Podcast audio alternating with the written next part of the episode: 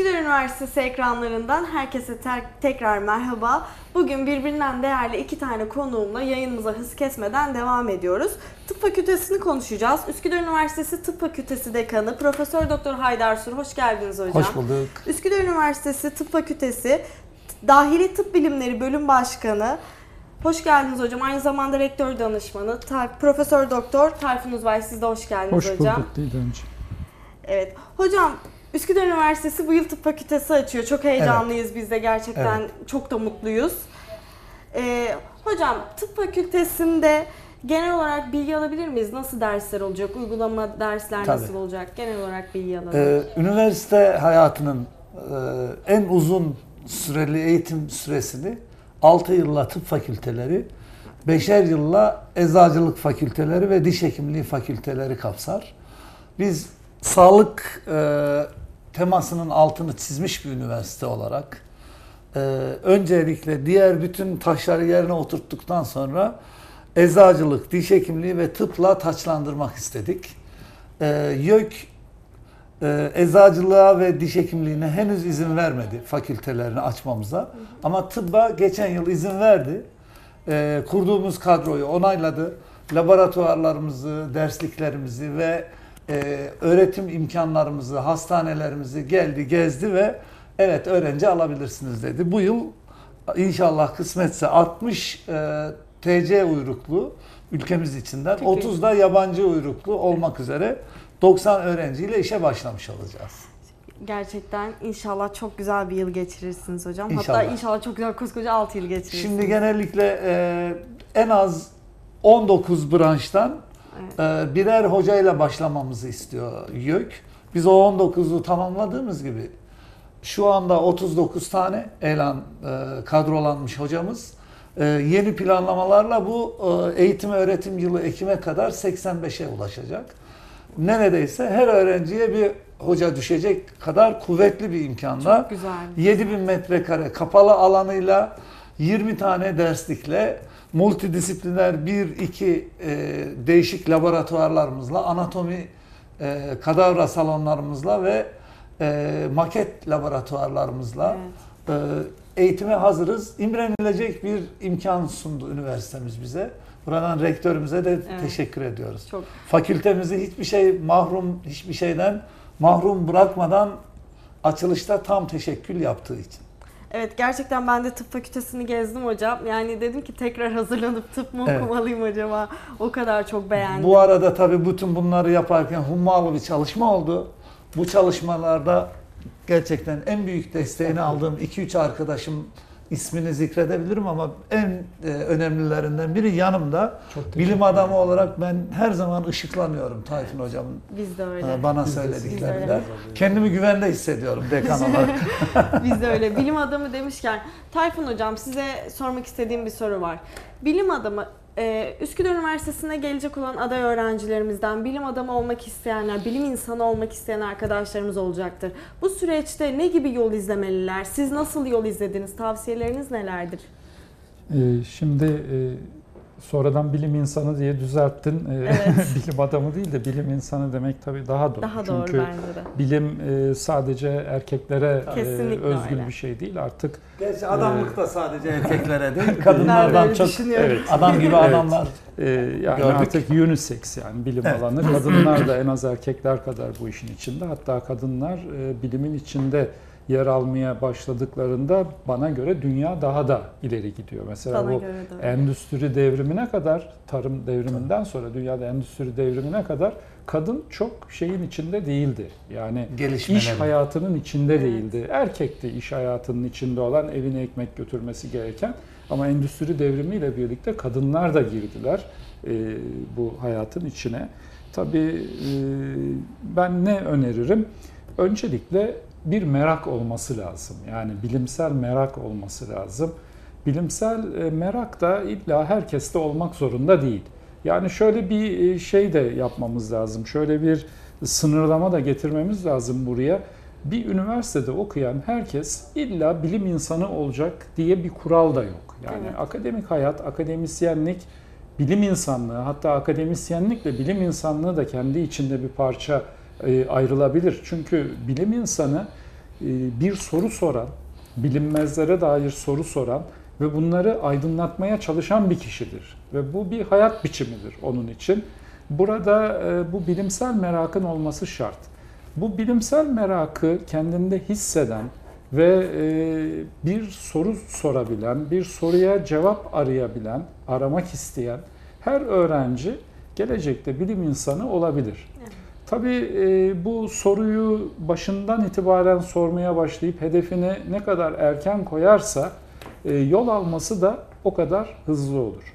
Eskiden bizim zamanımızda bilgi bu kadar hızlı yayılmıyordu. Bizim bilgiye ulaşmamız son derece sınırlıydı. Biz bilgiye sadece üniversitede veya okullarda hocalarımız, öğretmenlerimiz ve onun tavsiye ettikleri kaynaklar üzerinden ulaşabiliyorduk. Şu anda internet devrimi yaşandı dünyada biliyorsun. Artık dijital ortam var ve bu dijital ortamda bilgiye rahatlıkla ulaşmak mümkün. Önemli olan doğru bilgiye ulaşıp ulaşmadığımız ve e, üniversitede de bu doğru bilgiyi e, doğru bilgiye nasıl ulaşılacağını bizim öncelikle öğretmemiz gerekiyor öğrencilere. Ve öğrencilere ikinci tavsiyem eğer böyle bir hedefleri varsa bunu daha ilk yıllardan itibaren koymaları ve e, bilim insanı kimliklerini geliştirmeye çalışmaları ve bu konuda da etraflarında bulunan kendileri gibi e, daha önceden işte bilim insanı olmuş olan hocalardan e, destek almaları, onları yakından izlemeleri ve ben e, ünlü bilimcilerin mesela biyografilerini okumalarını tavsiye ederim. Aa, Sadece mesela tıp fakültesi öğrencileri için değil. Bir tıp fakültesi öğrencisi kimi okumalı? Ne bileyim işte penisilini bulan Alexander Fleming'in biyografisini okuyabilir. Gene e, Stetoskopu bulan, bulan- Lineik'i evet, okuyabilir.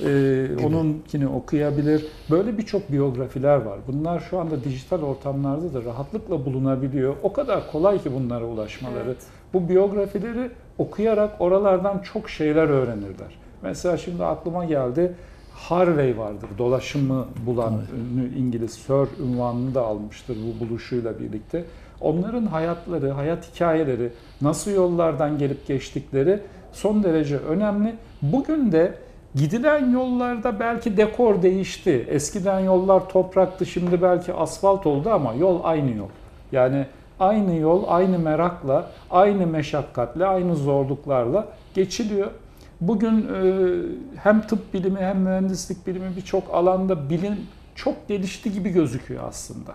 Çok şey bildiğimizi düşünüyoruz ama belki de e, bildiklerimiz bilmediklerimizin yanında devasa Belki bir yani iceberg'in altında daha çok bilinecek şey var. Yani e, bu böyle bir yolculuğa da hazır olması gerekiyor öğrencilerin. Tabii son tavsiye edeceğim ne dedim? Bir merak var mı yok mu? Kendilerini Evet. bir yoklasınlar. Merakları varsa bu merakın üstüne koyarak gitsinler. Bol bol biyografi okuyarak işe başlasınlar. Hocalarını örnek alıp hocalarından e, yardım istesinler. Tabii son tavsiyem de mutlaka şeyi ihmal etmesinler. Yani içinde bulundukları lisans eğitiminde onu ciddiye alarak çünkü bazı öğrencilerde ben onu görüyorum. Öğrenci geliyor işte Tayfun hocam laboratuvara gireyim, gözlemci olayım, sizinle birlikte çalışayım. Öğrenci daha laboratuvara girdiğinin üçüncü günü ben deney yapayım, yeni bir teorim var, yeni bir şeyim var, onu test etmeye çalışayım falan. Bunların hep e, belli sıraları var. Önce belli bir olgunluğa, belli bir şeye, birikime erişmesi lazım, kendini yetiştirmesi lazım. Doğru. Yani futboldan örnek vereyim, çok kere alaka olacak ama şimdi siz 17-18 yaşında büyük bir takıma gittiğinizi düşünün. İlk 11'e bile koysalar sizi hiçbir zaman o takımda 5 yıl oynayan oyuncunun performansını gösteremezsiniz. Geçmeniz Deneyim gereken böyle bir şey. aşamalar ve yollar var. Aynı yollar burada da geçerli. Kendi lisans derslerinde hiç ihmal etmeden bunu yapmaları gerekiyor. Tayfun Hoca'nın e, bu e, altını çizdiği gerçeklerden yola çıkarak biz de tıp fakültemizin çok kuvvetli bir kütüphanesi var. Evet. E, adaylarımızı ya da tüm öğrencilerimizi kaydolmuş kişileri de tıp fakültesinin kütüphanesini gezmeye davet ediyorum. Çok güzel, yüze artıcı bir yer. Orada 5000 basılı kitap, bu 10.000'e çıkacak inşallah, İnşallah. önümüzdeki dönem. 4500 elektronik kitap var Evet. ama 28 bin elektronik dergi aboneliğimiz var. Ee, bunun 21 bini tıp ve sağlıkla ilgili. Her ay yeni makaleler yayınlanıyor. Hocanın dediği o iceberg'in altında. Mesela geçen ay bilmediğimiz bilgiyi bu ay yayınlanan dergiden e, okuyup öğrenebilme Takip imkanımız var. Ne sayesinde? Bilim sayesinde. Bu bilimsel duruş, okuyuş, gerekirse sorular üretiş, bunu hipoteze e, e, potasında böyle eritip hipotez haline koyuş ve nihayet sınayış aşamalarından geçtikten sonra e, siz bir e, bilimsel yayın ve kanıt üretecek güce ulaşmış oluyorsunuz. Evet, çok doğru söylüyorsunuz hocam. Peki ben bir de şeyi çok merak ediyorum hocam. Tıp fakültesi ilk kez açılıyor Evet. bizim üniversitemizde e, yeni açılan bir fakülte. Bu fakültede geleceğe yönelik yatırımlarınız neler? Yani hedefleriniz neler? Tabii bizim hedefimiz nihayetinde Üsküdar Üniversitesi'nin genel hedefi doğrultusunda olur. Bir de sağlıkla ilgili dünyanın gidişatıyla e, entegre bir şekilde olur. Bu da uluslararasılaşmayı gerektiriyor. Ee, Üsküdar Üniversitesi'nin logosunda Türkiye'nin beyin üssü diye bir e, ibare vardır. Beyin üssü demek en fazla düşünsel üretimi yapacak, bilimsel üretimi yapacak merkez biz olacağız iddiası vardır. Biz bunu e, Türkiye'nin dedik ama 10 yıl sonra beyin üssü, dünyanın en iyileri arasında olma şeklinde bir karar aldık. E, misyon, vizyon toplantılarımızda geleceğe Evet. ait. Tıp fakültemizde dünyanın en iyileri arasına sokmak, buralardan tıbbi buluşlar, dünyanın en iyi klinisyenlerini ve bilim adamlarını yetiştirmeye çalışmak. Bu tabii öyle hemen akşamdan sabaha olacak bir şey değil. Büyük bir, uzun bir yolculuk. Ee, bu rüyayı bizim ömrümüz yettiği kadar biz gerçekleştirmeye çalışacağız. Rüyayı yeni nesle devredeceğiz. Onlar da al- kaldıkları yerden onlar götürecekler. Bu bir nesillerden nesillere devir, bayrak e, koşusu gibi bir şey. Evet. Biz bu bayrak koşusunu başlatan ekip olmanın gururunu her zaman taşıyacağız üstümüzde. Öğrencileriniz de çok şanslı bence bu konuda. Tayfun Hocam, e, Üsküdar Üniversitesi'nde yaptığınız çalışmalardan bize birazcık bahsedebilir misiniz? E, Aday öğrenciler de merak ediyor bunları. Yani e, ben geldiğim zaman burada bir nöropsikofarmakoloji uygulama ve araştırma merkezi kurduk Üsküdar Üniversitesi'nin içinde. Bu merkezde e, deney hayvanlarımız var. Üsküdap diye, Üsküdar Deney Araştırma Birimi, Deney Hayvanları Araştırma Birimi diye ayrı bir birimimiz var. Şimdi klinik çalışmalarda olduğu gibi klinik çalışmalar insan üzerinde gerçekleştirilen çalışmalar. Deney hayvanlarında da e, çalışmalar yapılıyor ve bunun içinde özel etik kurullar gerekiyor. İşte etik kurulu kurduk bu deney hayvanlarına e, deneylerde kullanabilme iznini e, verebilecek. Ayrıca e, bu laboratuvarların akredite olması gerekiyor bakanlıktan, Tarım Bakanlığından, Tarım Orman e, Bakanlığından, bir ara Su İşleri Bakanlığındaydı. Sık sık değişiyor bunun şeyi ama bir bakanlığa bağlı olarak devam ediyor. Özel bir akreditasyon gerekiyor. Kısa sürede bu akreditasyonu aldık. E, Şimdi şunu söyleyebilirim, öğrenciler açısından önemli bir şey söyleyeceğim. Bu etik kurul ve akredite laboratuvar üzerinden bizim deney hayvanları araştırma kurslarımız oluyor ve bu kurslar bakanlıkça sertifikalandırılıyor. Buna öğrenciler de dahil olabiliyorlar ve bu öğrenciler bu eğitime katıldıklarında ve bu sertifikayı aldıklarında deney hayvanlarına dokunma ve bunlarla araştırma hakkı kazanıyorlar. Biz e, 250'den fazla öğrencimizi bu kurslarda eğiterek böyle bir e, hak kazanmalarına yardımcı olduk ve bunun sonucu olarak da birçok öğrencimiz TÜBİTAK'tan da desteklenen hatta bitirme projelerini 4 veya 5 öğrencimiz e, mezuniyet projelerini bu laboratuvarda deney hayvanlarında çalışarak yaptı. Tabii bu e, öğrencilere yönelik e, yaptığımız faaliyetler bilim alanına yönelik olarak da biz bu laboratuvarda hocam az önce söyledi. Buranın bir misyonu var ve bir iddiası var. Türkiye'nin beyin üssü e, olduğu söyleniyor. İşte logosunun altında bunu e, kullanıyor bir e, motto mu diyorsunuz siz ona? Motto. Bir motto olarak kullanıyor. Biz nöropsikiyatrik hastalıkları deney hayvanlarında modelliyoruz. Niye bunu yapıyoruz? bu nöropsikiyatrik hastalıkların altında yatan nedenleri anlamak için.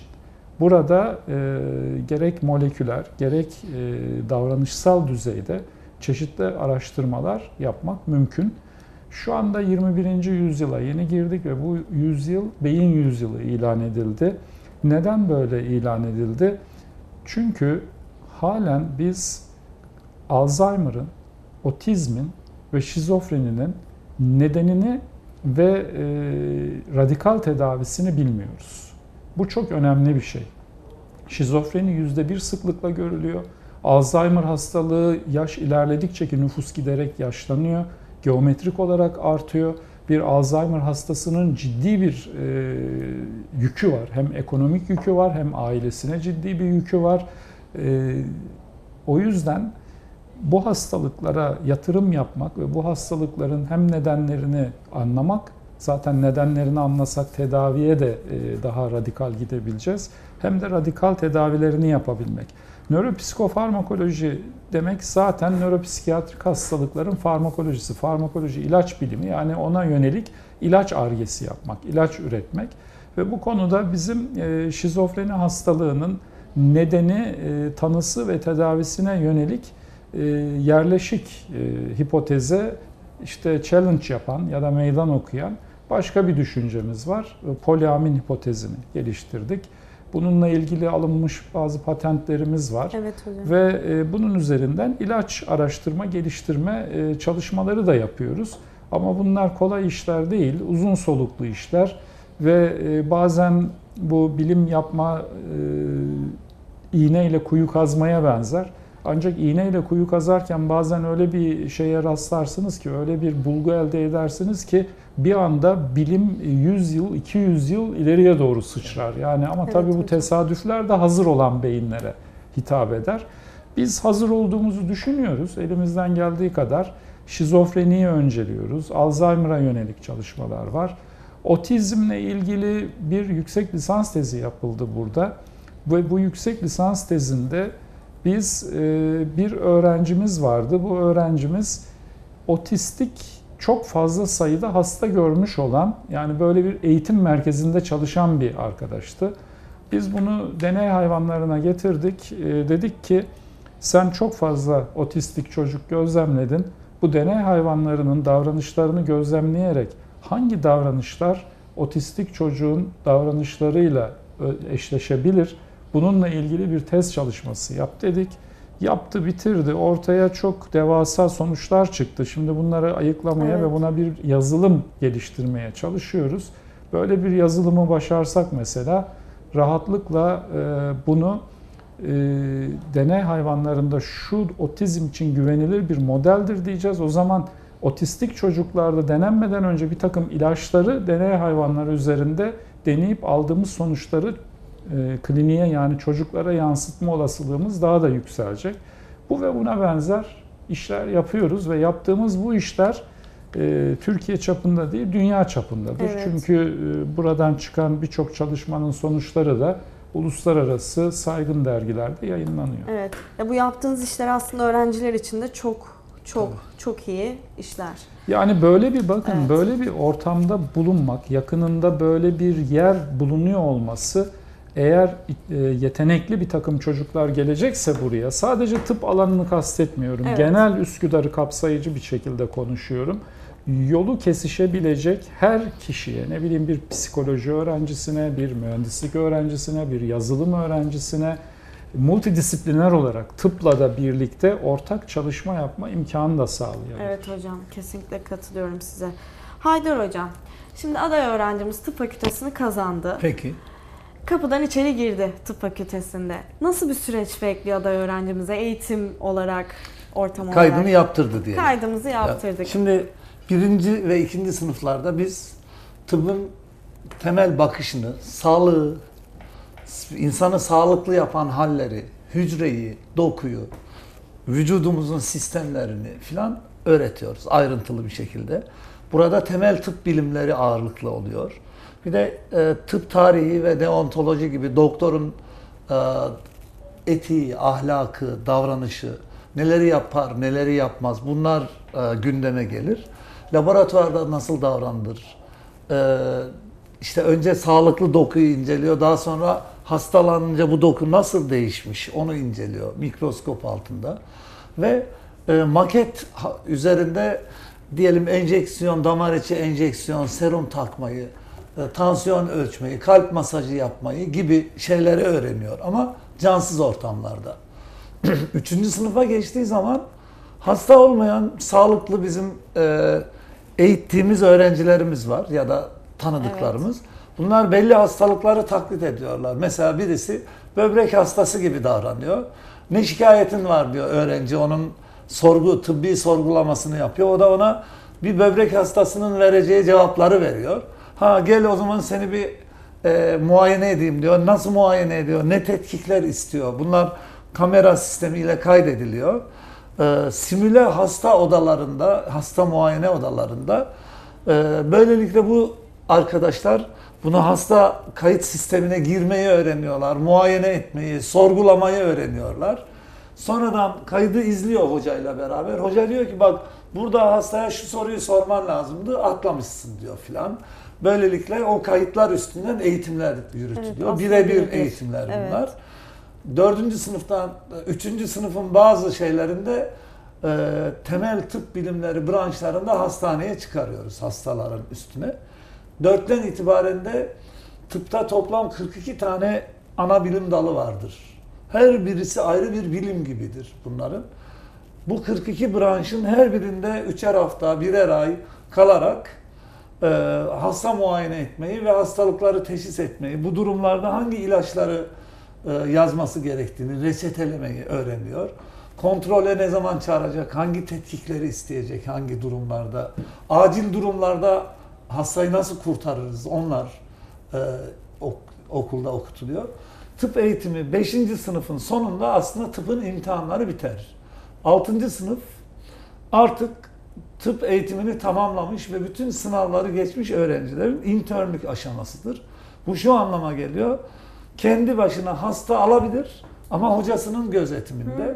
Böylelikle kendi kendine hastayı tedavi etme uygulamalarını yapar. Hocası da onu izler. Sınav yoktur 6. sınıfta. Sadece hoca onu internlükte başarılı ya da başarısız. Eğer başarısızsa bir dönem daha bunu uzatarak becerilerini geliştirmesi için önerilerde bulunur. İnternlüğünü de tamamladıktan sonra artık Türk toplumuna bir hekim olarak hizmet etme zamanı gelmiştir. Sağlık Bakanlığı bu kişilere diplomayı vermeden önce onları kura sonucu mecburi hizmette uygun yerlere gönderir. Artık tek başına bizim verdiğimiz bilgilerle ve becerilerle donanmış bir hekim olarak topluma hizmet zamanı gelmiştir. Anlıyorum evet hocam. Ya özellikle bu hasta simüle odaları vesaire yani ben onlar ya oraya gittiğim zaman bu ortamı gördüğüm zaman çok etkilenmiştim. Evet. Ya ve güvenmiştim biliyor musunuz? Yani güvenilir hekimlerin çıkması çok yani Tabii. çok hatır sayılır. Yani şöyle şey. deniyor. Ben benim kabul etmediğim bir görüş bu. Ya Türkiye'de tıp eğitimi gittikçe geriledi. Hayır efendim, ilerledi.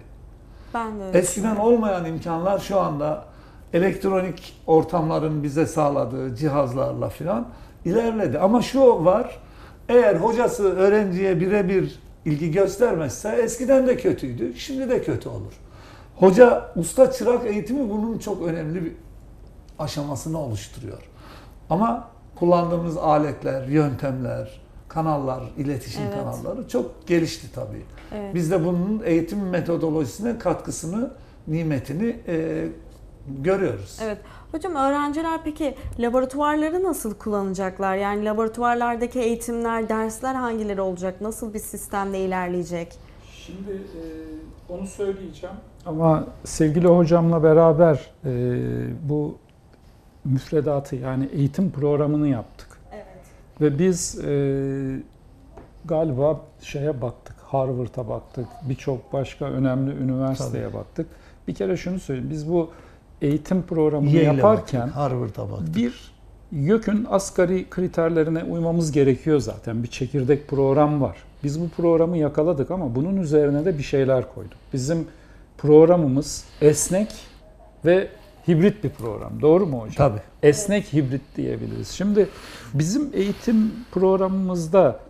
bizim öncelediğimiz neydi? Onu söyleyeyim. Biz bir kere tıbbın iki yönü vardır bakın. Tıp hem bir meslektir. Evet. Bir meslektir ama aynı zamanda kadim bir bilim alanıdır tıp. Ve bu karıştırılır bazen. Ben üzülerek görüyorum bazen e, tıbbı ya sadece bir meslek olarak ya sadece bir araştırma ya da kadim Bilim bilim, dalı. adamı, bilim dalı gibi görülüyor. Hayır. Halbuki tıp iki bacağı var. Aynen çok önemlidir bu. Mezun olan bir hekim seni muayene etmeye başladığı anda mesleğini icra eder. Sana dokunduğu anda. Burada Ve- tıbbın meslek adamlığı kısmını Aynen. söyledi. Ve bu bir sanattır aynı zamanda. Hekimlik sanatı deriz buna ve bu harika bir sanattır. Ve hocam konuşmasının başında biraz buna değindi. Biz dedi gelen öğrenciye deontolojiyi, davranışı, yani tıp meslek etiğini filan işte bunların içinde bu bunu önceliyoruz biz ve bunu çok önemsiyoruz. Yani öğrencinin tıbbı içselleştirmesini hem bir meslek olarak içselleştirmesini hem de bunun kendini devamlı yenileyen bakın bir hekim aynı zamanda bir bilim insanı olarak devam etmeyebilir. Sadece hekimlik mesleğini icra edebilir ama şu farkındalığının olması şart bir hekimin. Tıp çok dinamik bir alan, çok hızlı ve çabuk değişiyor. O yüzden de bir hekim bitirdiği anda sadece mesleğini icra etmek zorunda değil. Aynı zamanda kafanın arka planında sürekli bunun zorunda. e, yenilendiğini bilmek ve bunun farkında olması lazım. Lafınıza bir laf Tabii. katayım hocam Tabii. müsaadenizle. 2014 yılında New York'ta Dünya Hekimler Birliği'nin geniş katılımı, bütün dünya ülkelerinden katılımlı bir toplantısı yapıldı. Soru çok basitti bu büyük toplantıda. Hekim bir bilim insanı mıdır? Hekim bir uygulama, pratik adam mıdır? E, Meslek insanı mıdır diye. En sonunda sonuç bildirgesi o toplantıdan hekim dünyada bilimi en çok kullanan bir meslek insanıdır. Şeyi Ancak çıktı. böyle sanat olur zaten. Yani adı Başka da türlü orada olmaz. siz o sanatı gösteremezsiniz. Evet. Bilim e, sık sık kendini yenilediği için tıpta yarılanma ömrü 2,9 yıldır. Evet. Yani eğer bir genç bir hekim okuldan mezun olduktan sonra 3 sene hiç kitap okumazsa, hiç makale okumazsa, bilimsel kongrelere falan gitmezse 3 yıl sonra yarım hekim haline gelir. Bilginin yarısı çürütülmüş oldu yeni buluşlarla. Ya buna bilginin yarılanma ömrü deniyor. Dünyada en kısa olan bilim dalıdır tıp. 2,9 yıl sonra bildiğiniz şeylerin %50'si çürütülmüş ve yeni bilgiler üretilmiş haline geliyor. Biraz önce dedik ya 28 bin derginin 21 bini tıpla ilgili. Evet. Dünyada en çok yayınların yapıldığı alan kendini hızla geliştiren. Onun için de bu o, biraz hani okumayı seven insanın yapacağı şeyler. bunlar. Ve bunu tamamlayayım hocamın söylediklerinin üstüne koyarak bizim buradaki tıp öğrencisi ne bir şekle şemale sokacağız biz 6 yılda ve bizim eğitimdeki temel hedefimiz bilgiyi ezberlettiren değil. Tabii ki tıp ezber gerektiriyor. Bir takım Evet. şeyleri ezberleyecek, terminolojiyi bilecek. Yani temel şeyler var. Bunları ezberlemek durumunda. Vücudun Ama- organlarını ezberleyecek. Ama- Anatomik yapıyı mesela. bilginin nasıl üretildiğini ve nasıl değiştiğini ve nasıl nankör bir şey olduğunu. Yani bugün Evet. doğru bildiğin şeyin yarın üstüne hoca dedi 2.9 yılda belki bu 2.9 şimdi geçerli. Tabii. Belki gittikçe İki daralıyor alan. 2 belki. seneye, 1 seneye belki 6 aya düşecek. Bazı öyle alanlar var ki tıpta 24 saatte bir takım şeyler sürekli değişebiliyor. Dolayısıyla biz bunlarda bir farkındalık yaratacağız öğrencilerde Evet. bilmediğini bilen ve bilgisizliğinin sınırlarını da çizebilen bir öğrenci prototipi, bir modeli oluşturmak istiyoruz. Eğer bunu başarabilirsek ki başarabileceğimizi düşünüyorum. Üsküdar'dan mezun olan hekimler aranan, önemli ve Güvenilen. saygın, Evet. güvenilir. Sen dedin ya güven duyuyoruz, Evet. güvenilir. Şimdi de soruna geleyim. Laboratuvarları nasıl kullandıracağız? Evet. Bir kere tıpta e, zorunlu laboratuvarlar var. Fizyoloji laboratuvarı var. Anatomi, anatomi tıbbın e, en önemli laboratuvarlarından biri. Ama biz başlarken e, birçok devlet üniversitesinden bile galiba bir adım önde başladık Evet. ve YÖK Çok iyi heyeti, laboratuvar YÖK heyeti var. bizi değerlendirmeye geldiğinde bizim üç tane kadavramız vardı. Evet. Yani e, birçok yerde bir tane veya birçok yerde maket üzerinden bu eğitimler yürürken bunlar e, hocamın da dediği gibi yönetim gerçekten Sayın Rektör, Mütevelli Heyeti Başkanı bu konuda hiçbir fedakarlıktan kaçınmadılar. Kaçınmadılar sağ olsun. Ve e, altyapısı çok iyi oluşturan bir laboratuvar. Şimdi tıp öğrencisi laboratuvara nasıl girecek? Mecburi girecek bir kere. Evet. Anatomiye, fizyolojiye, Mikrobiyoloji, mikrobiyolojiye, biyokimya, histolojiye, biyokimyaya. Bu laboratuvarlar Genetik. zaten eğitiminin bir parçası ve ilk 3 yıllık eğitimin içinde büyük kısmını öğrenci zaten laboratuvarlarda geçirecek. Tabii bunun yanında destekleyici teorik eğitimleri de olacak. Ee, onun dışında e, laboratuvarda daha fazla vakit geçirmek istiyorsa da gece e, sabaha kadar e, kalabilir. Sabaha kadar kalabilir. Yani insanlar. tıp eğitimi böyle bir eğitim. E, uzun süre orada hatta ben e, kendi yıllarımızdan hatırlarım. E, gece yarısından sonra gidip e, ya şu şeye biraz daha bakayım, e, işte kadavraya biraz daha çalışayım diye giden arkadaşlarımız oluyordu. Tabii. Ne kadar güzel. Hocam zaten e, 18 Temmuz 2 Ağustos arasında tercih tanıtım günlerimiz okulda oluyor. Daha fazla bilgiyi, detaylı bilgiyi öğrenciler gelip sizden birebir de Oradayız ve buradayız. Evet. Merkez yerleşkede de ağırlıklı olarak Tayfun Hocam merkez yerleşkedeki Evet. masayı yönetecek. Ben de e, NP İsta- Üsküdar Tıp e, yerleşkesinde ama hepimiz her yerde desteğimizi Evet Ring kesinlikle. seferlerimiz de olacak. 15 Mesela dakikaya bir sefer Evet, öğrenci diyelim geldi bana ya ben tıp fakültesinde görmek istiyorum dedi. O 15 dakikada bir olan Saat ring başı seferine binip ya saat başına Saat neyse başı işte koyduk. o ring seferine onu vereceğiz. O gidecek e, orayı da görecek veya Görecek. oradan başlayan bir öğrenci de gelip burayı da görebilir. Evet. Zaten aday evet aday arkadaşlarımız çok birebir hocalardan da bilgi Tabii. alabilir. Daha fazla olanakları gidip kendilerinin görmesini ben öğrenci olarak tavsiye ediyorum zaten. Çünkü kendim gördüm. Çok beğendim. Çok güzel. Bir de bir avantajını daha söyleyelim. Tabii ki hocam. Bu ilk açılışın şerefine e, mütevelli heyetimiz Sayın Başkan'ın öncülüğünde kesenin ağzını açtı ve e, gerçekten alışılmadık derecede burslar verdi. Evet. O yüzden çok avantajlı oldu. Bu burs imkanları burs kesinlikle. imkanları. Bu da 6 yıl boyunca bu imkanlara sahip olarak tıp eğitimi çok pahalı bir eğitimdir biliyorsunuz Evet. normalde. Ee, öğrencilerimizin dörtte birine tam burslu, ücretsiz. Dörtte birine yüzde yetmiş beş burslu. Dörtte üçünü almıyor paranın. Ve yarısına da e, yüzde elli burslu imkan. Hiç tam e, ücretli öğrenci olmayacak. Herkes burslu olacak. Evet.